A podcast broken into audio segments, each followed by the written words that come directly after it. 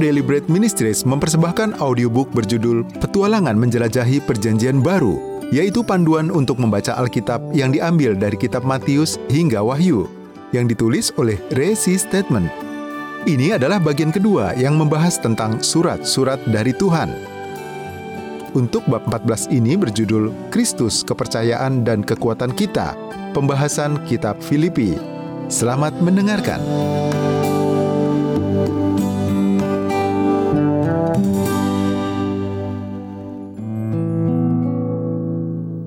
Bab 14 Filipi Kristus, kepercayaan dan kekuatan kita.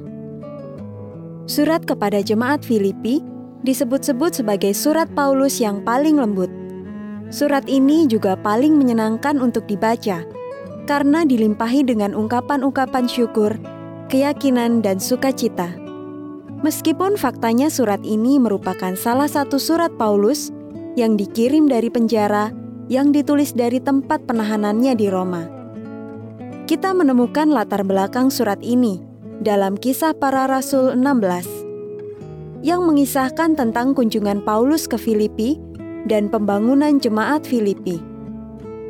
Serta kisah para rasul 28 yang mengisahkan tentang Paulus yang menjadi tahanan rumah di Roma.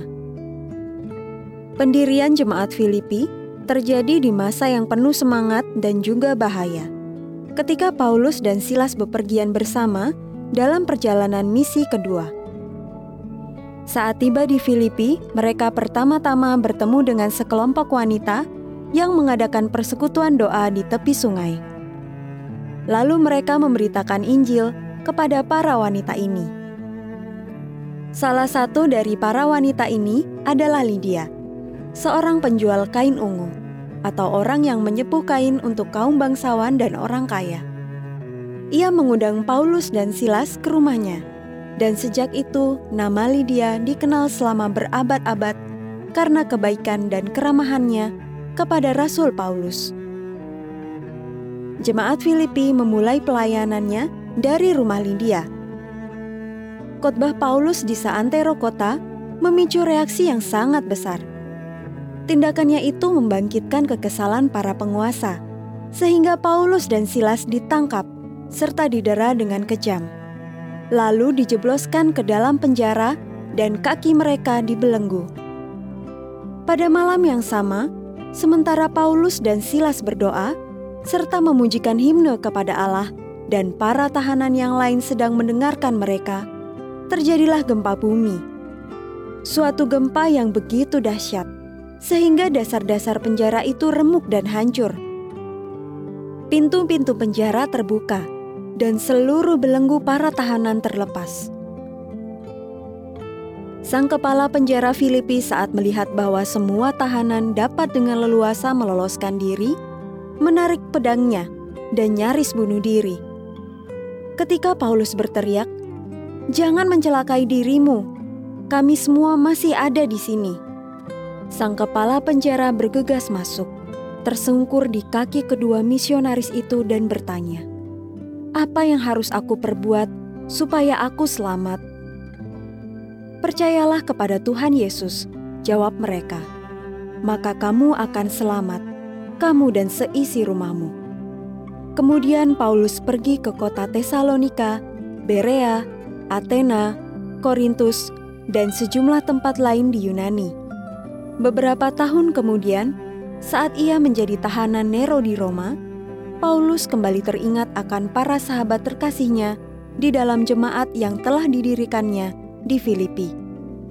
Dan ia menulis sebuah surat yang ditujukan kepada jemaat Filipi. Walaupun ia diizinkan untuk tinggal di rumah yang disewanya sendiri, sambil menunggu pengadilan di hadapan Kaisar Nero, ia dirantai siang dan malam dengan seorang serdadu Romawi. Paulus mengetahui bahwa nyawanya dapat dengan mudah melayang saat ia menghadap Nero. Tetapi suratnya kepada jemaat Filipi memancarkan kehangatan dan sukacita, keyakinan, dan kekuatan.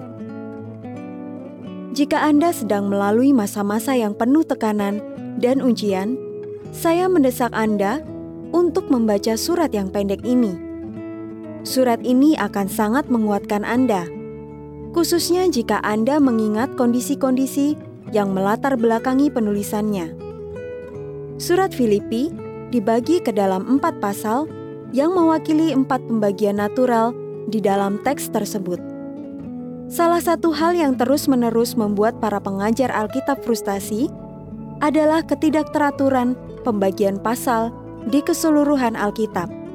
Pembagian-pembagian ini memang bukan bagian dari teks asli kitab suci, tetapi baru ditambahkan kemudian.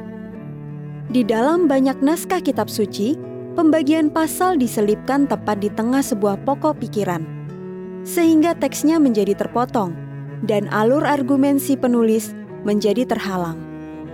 Namun yang menakjubkan, pembagian pasal di surat Filipi sangat logis dan menolong untuk mengatur pesan dari kitab perjanjian baru yang menguatkan dan instruktif. Berikut ini adalah tinjauan umum dari keempat bagian dalam surat Paulus kepada jemaat Filipi. Terdiri dari empat bagian. Bagian pertama, penderitaan yang sedang dihadapi Paulus. Filipi pasal 1. Terdiri dari dua poin. Poin pertama, rasa syukur Paulus karena penderitaannya justru memperluas penyebaran Injil. Filipi 1 ayat 1 sampai 26. Poin kedua, Paulus memberikan dorongan semangat kepada orang lain yang menderita. Filipi 1 ayat 27 sampai 30. Bagian kedua, milikilah pikiran Kristus. Filipi pasal 2 terdiri dari empat poin. Poin pertama, Kristus, teladan kerendahan hati bagi kita. Filipi 2 ayat 1 sampai 16. Poin kedua, teladan Paulus dalam hal kerendahan hati. Filipi 2 ayat 17 sampai 18. Poin ketiga, teladan Timotius dalam hal kerendahan hati. Filipi 2 ayat 19 sampai 24. Poin keempat, teladan Epafroditus dalam hal kerendahan hati. Filipi 2 ayat 25 sampai 30. Bagian ketiga, Kristus kepercayaan kita. Filipi pasal 3. Terdiri dari tiga poin. Poin pertama, jangan menaruh percaya pada daging. Filipi 3 ayat 1 sampai 9. Poin kedua, Kristus adalah sumber kepercayaan kita. Filipi 3 ayat 10 sampai 16. Poin ketiga, jangan hidup untuk memuaskan daging. Filipi 3 ayat 17 sampai 21. Bagian keempat, Kristus sang pemberi daya.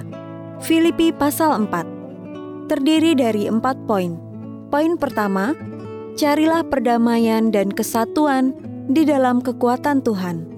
Filipi 4 ayat 1 sampai 3. Poin kedua, gantikan kegelisahan dengan sukacita dalam kekuatan Tuhan.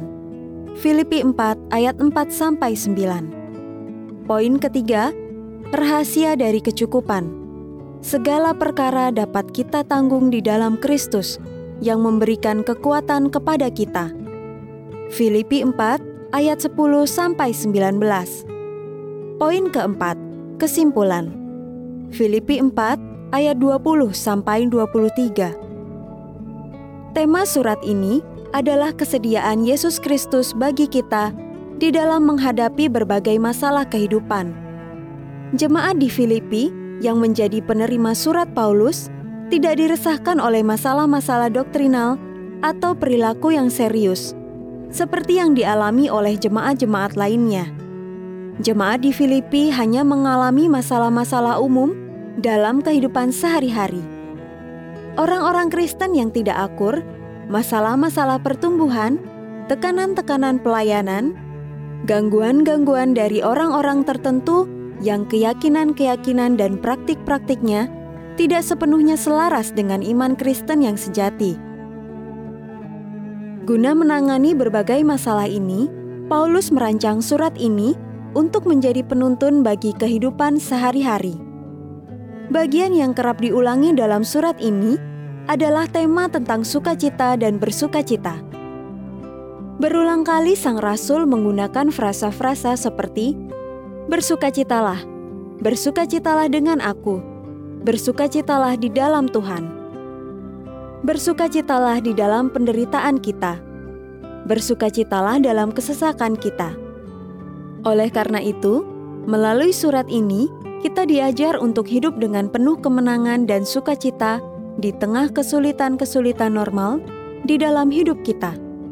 Keempat pasalnya menampilkan Kristus dalam empat aspek yang berbeda. Tema-temanya dirangkumkan bagi kita dalam empat ayat kunci yang muncul di pasal-pasal ini. Kristus dinyatakan di dalam Filipi 1 sebagai hidup kita, seperti yang kita baca di ayat kunci dari pasal 1 ayat 21. Karena bagiku hidup adalah Kristus dan mati adalah keuntungan.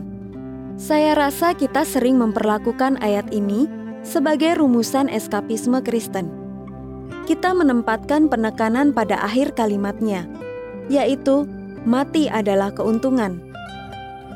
Dan kita berpikir, ya, sungguh menyenangkan untuk melepaskan diri dari segala tekanan dan penderitaan dan pergumulan hidup. Namun, bukan itu yang dinyatakan Paulus.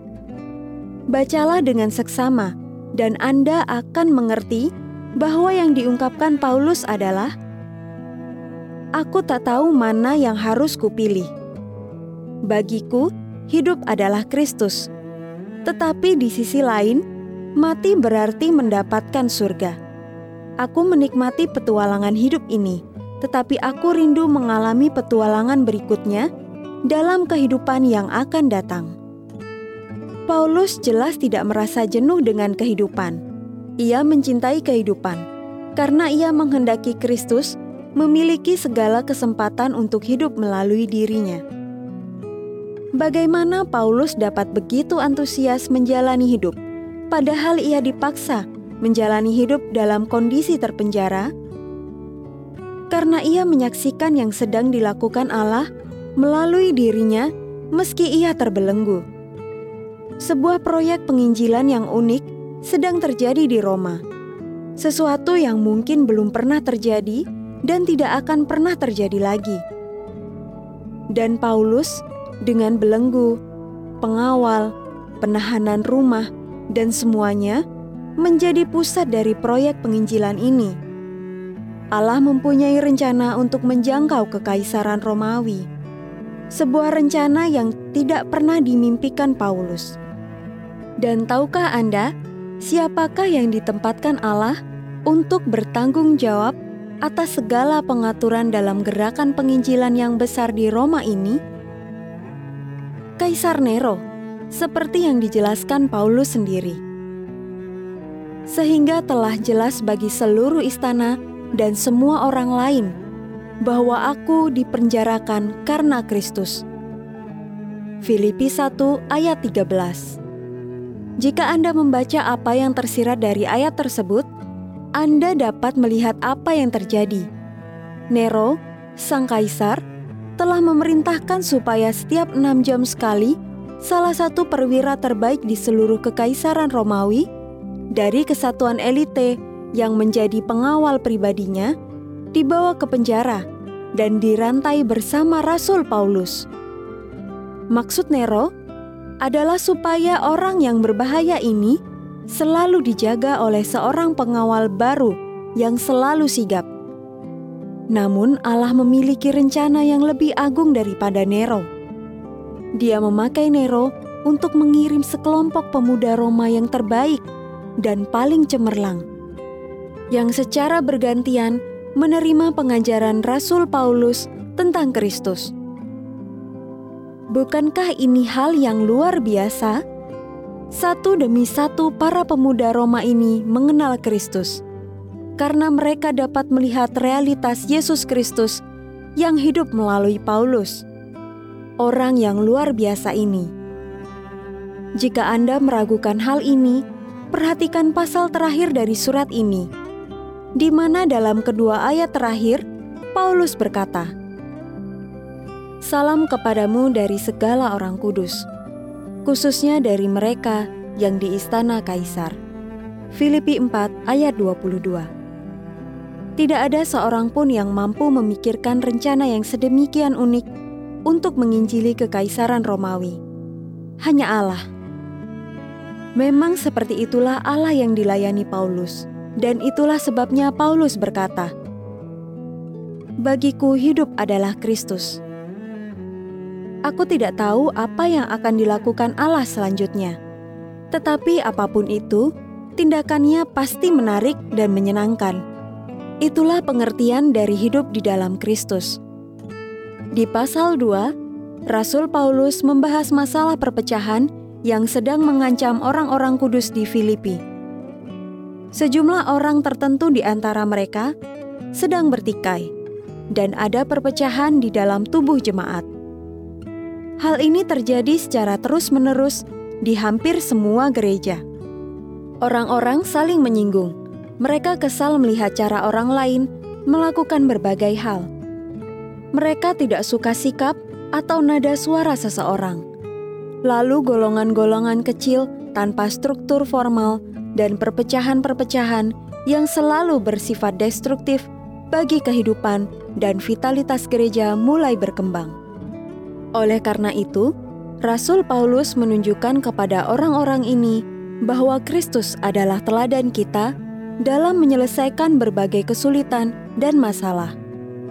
Nas kunci dari pasal ini adalah ayat 5. Hendaklah kamu menaruh pikiran dan perasaan yang terdapat juga dalam Kristus Yesus. Kemudian Paulus segera melanjutkan untuk menjelaskan seperti apakah sikap Yesus, pikiran Kristus itu. Yang walaupun dalam rupa Allah, tidak menganggap kesetaraan dengan Allah itu sebagai milik yang harus dipertahankan, melainkan telah mengosongkan dirinya sendiri dan mengambil rupa seorang hamba dan menjadi sama dengan manusia. Dan dalam keadaan sebagai manusia, ia telah merendahkan dirinya dan taat sampai mati, bahkan sampai mati di kayu salib. Filipi 2 ayat 6 sampai 8. Seperti itulah sikap merendahkan diri dari Yesus Kristus Itulah pengosongan diri dari segala yang dianggapnya bernilai dalam hidupnya. Ini kata Paulus adalah pikiran Yesus Kristus. Ketika Anda sedang berselisih paham dengan orang lain, milikilah sikap ini. Jangan mempertahankan hak-hak Anda seberapapun besarnya. Betapa tepatnya nasihat ini di masa kini saat kita begitu sering mendengar bahwa kita harus memperjuangkan hak kita. Betapa berbedanya teladan Kristus. Dr. H.A. Ironside pernah bercerita tentang peristiwa yang terjadi sewaktu ia berumur sekitar 9 atau 10 tahun. Ibunya mengajak Ironside menghadiri sebuah pertemuan gereja. Pertemuan ini memanas menjadi sebuah pertengkaran di antara dua pria Salah satu dari mereka berdiri sambil menggebrak meja dan berkata, "Yang kuinginkan hanyalah hak-hakku." Di dekatnya duduk seorang Skotlandia yang sudah tua, yang agak terganggu pendengarannya.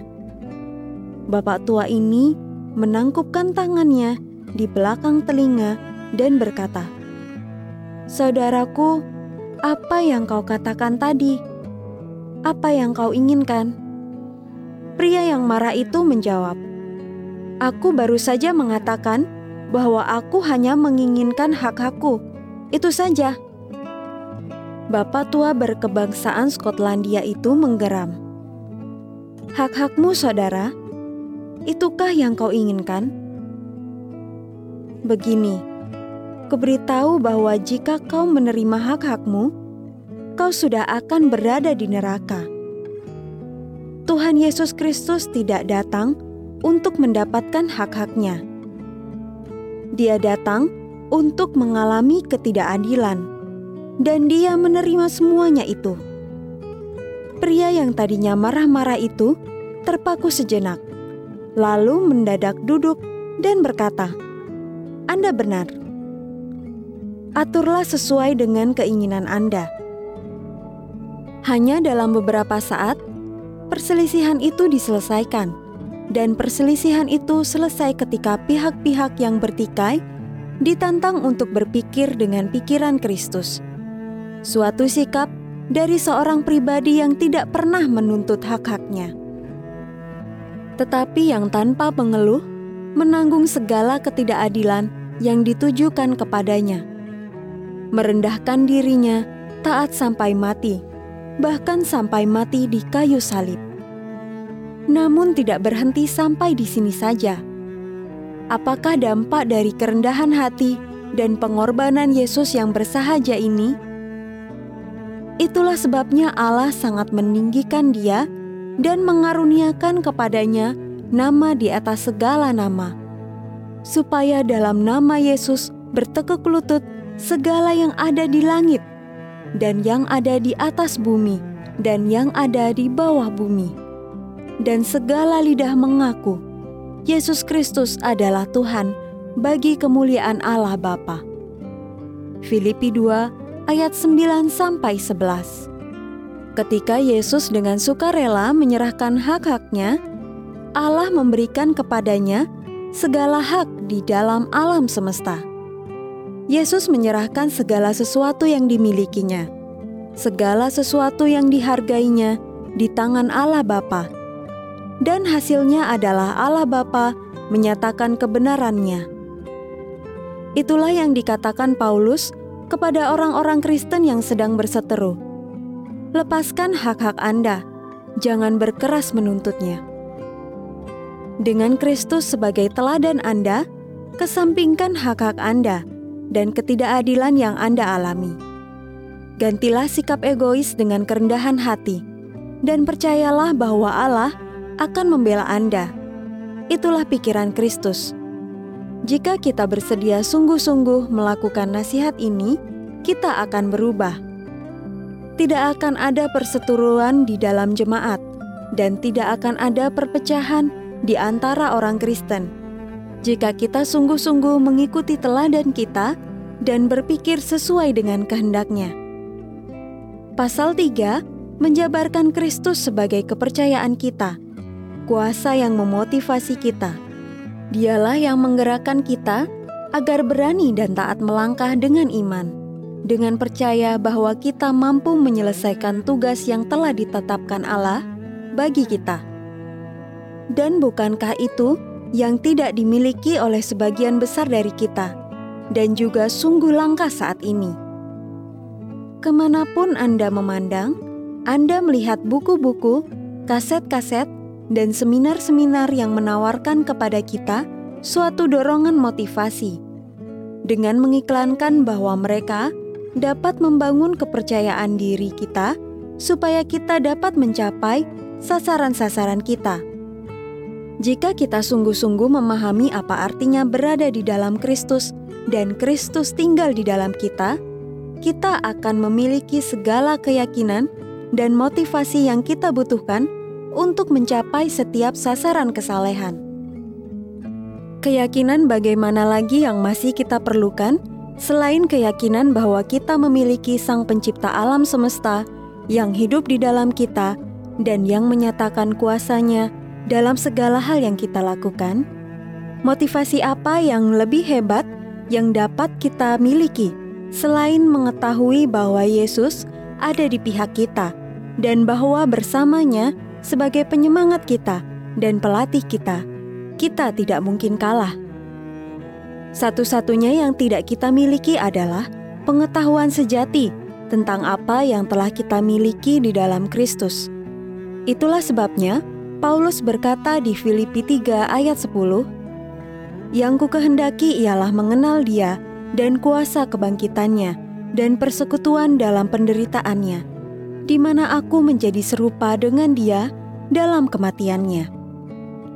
Kuasa dari Kristus yang menjadi sumber kepercayaan kita benar-benar sangat kontras dengan kuasa yang menjadi sumber kepercayaan kebanyakan orang.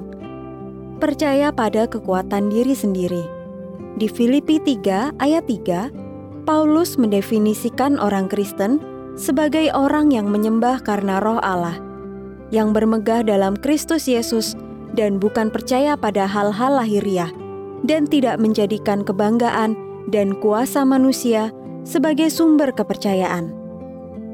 Bandingkan pernyataan ini dengan buku-buku terlaris dan tayangan-tayangan iklan di tengah malam yang berusaha membuat kita untuk menemukan kekuatan di dalam diri kita dan berusaha untuk membangun kepercayaan diri kita berdasarkan pikiran dan hal-hal lahiriah kita. Jika memang ada orang yang berhak untuk bermegah di dalam hal-hal lahiriah, orang itu adalah Rasul Paulus. Di pasal ini, ia merinci berbagai bukti kelayakan diri dan kualifikasinya untuk merasa percaya diri pada hal-hal lahiriah yang dimilikinya. Sekalipun aku juga ada alasan untuk menaruh percaya pada hal-hal lahiriah, jika ada orang lain menyangka dapat menaruh percaya pada hal-hal lahiriah, aku lebih lagi.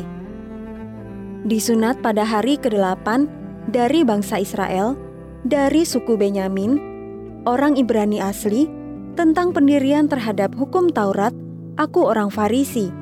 Tentang kegiatan, aku penganiaya jemaat. Tentang kebenaran dalam mentaati hukum Taurat, aku tidak bercacat.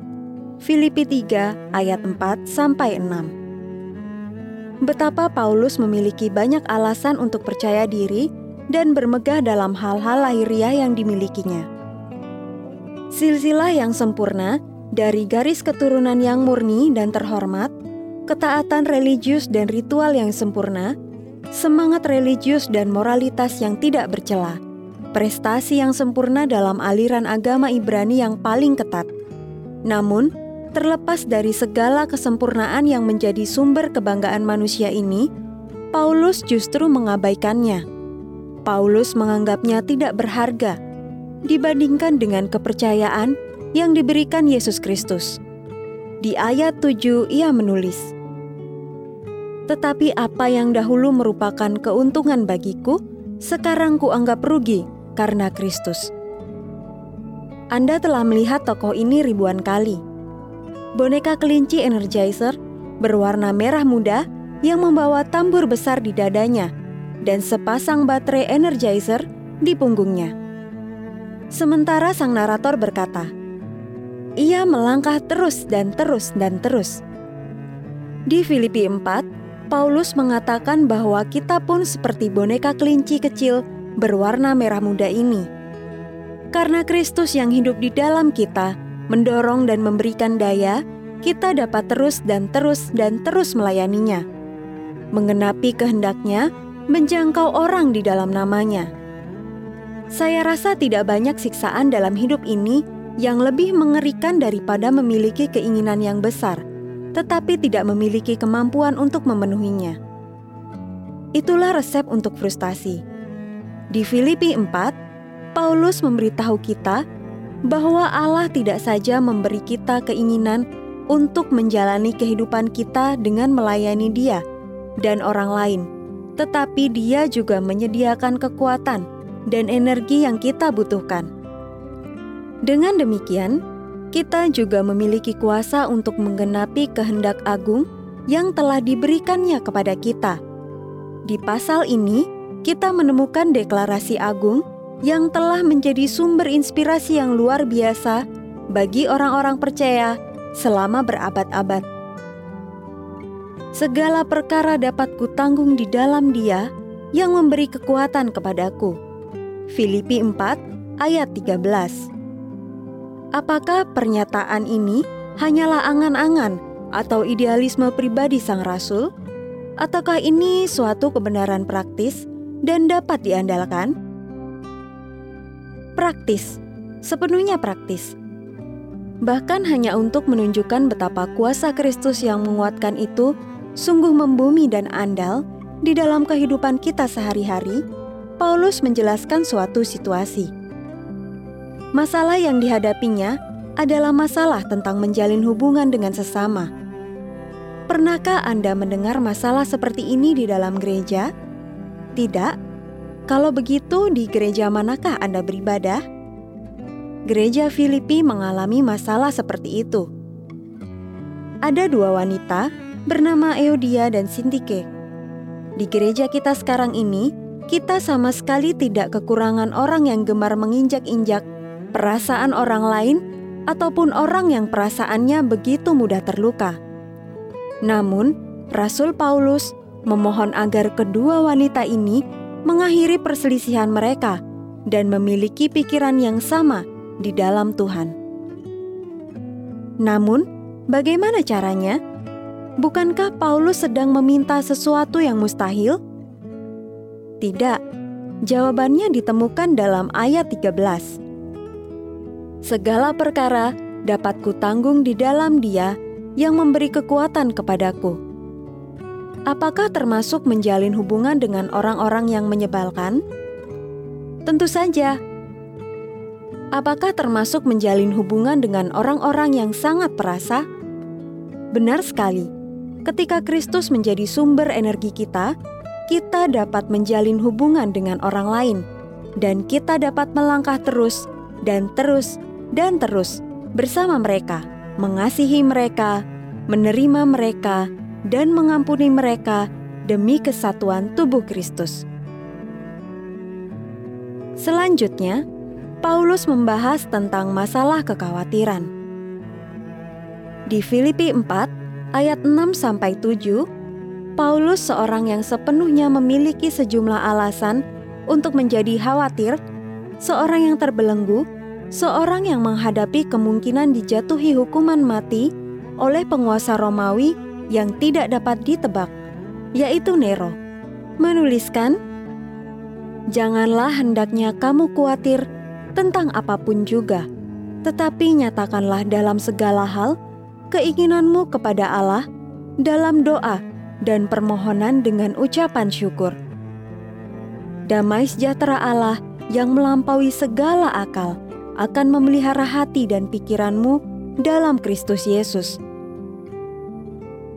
Sungguh Paulus telah memberikan resep yang luar biasa untuk mendapat kedamaian dan ketenangan. Paulus tidak meminimalkan kekhawatiran, masalah, dan kesulitan hidup ia hanya menasihatkan supaya kita tidak dikuasai oleh hal-hal itu. Ia tidak menyarankan kita untuk hidup dengan menyangkali adanya hal-hal itu dan berusaha untuk menekan kegelisahan kita, serta berpura-pura bahwa semuanya itu tidak ada. Ia mengatakan bahwa kita harus menyerahkan kekhawatiran-kekhawatiran itu kepada Tuhan dan memperkenankan Tuhan untuk memberikan damai sejahteranya kepada kita. Damai sejahtera yang melampaui segala pemahaman kita. Kita tidak tahu dari mana asal damai sejahtera itu dan bagaimana cara kerjanya. Tetapi setiap orang percaya dapat menceritakan kepada Anda bahwa damai sejahtera itu sangatlah nyata. Saya secara pribadi bersaksi bahwa sering kali di hidup saya saya merasa putus asa, khawatir, atau takut.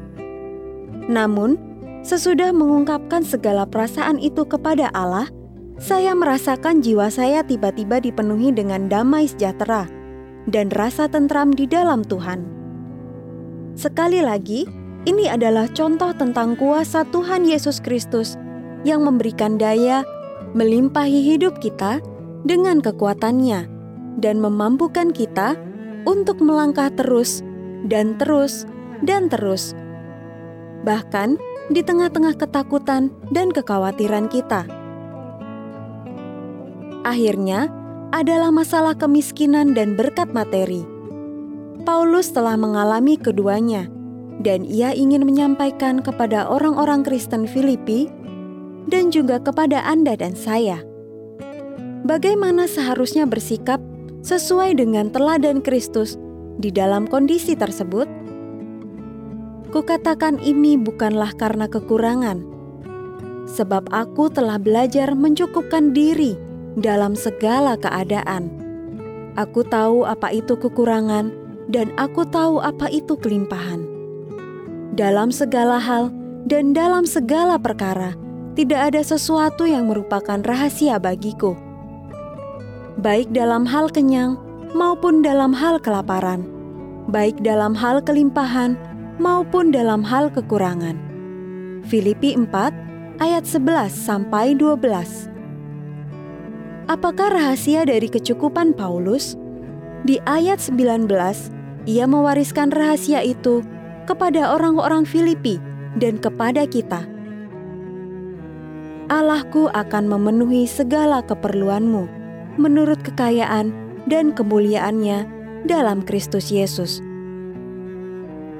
Hanya Tuhan kita Yesus Kristus, kekuatan kita, yang memberi kita daya, akan menyediakan segala kebutuhan kita dan memampukan kita untuk melangkah terus dan terus dan terus. Surat kepada jemaat Filipi merupakan perwujudan dari jiwa dan rahasia kehidupan dari seseorang yang telah berlari sampai ke garis akhir, yang telah menyelesaikan pertandingan dengan baik, yang memelihara iman, yang melangkah terus dan terus bagi Tuhan. Kitab kecil yang penuh kuasa ini memuat peta perjalanan Paulus untuk menjalani hidup yang dipenuhi kuasa, antusiasme, dan petualangan. Kita yang hidup di masa transisi dari milenium kedua ke milenium ketiga, yang menghadapi segala bahaya, kecemasan, dan tantangan-tantangan yang tidak terduga dari abad yang baru ini, perlu menemukan dan menerapkan kuasa Tuhan bagi kehidupan kita. Sebenarnya, kita tidak berbeda dari Paulus. Pribadi yang sama yang telah hidup melalui Paulus, kini hidup melalui kita. Kristus adalah hidup kita. Kristus adalah teladan kita. Kristus adalah kepercayaan kita, dan Kristus memberikan daya dan kekuatan bagi kita.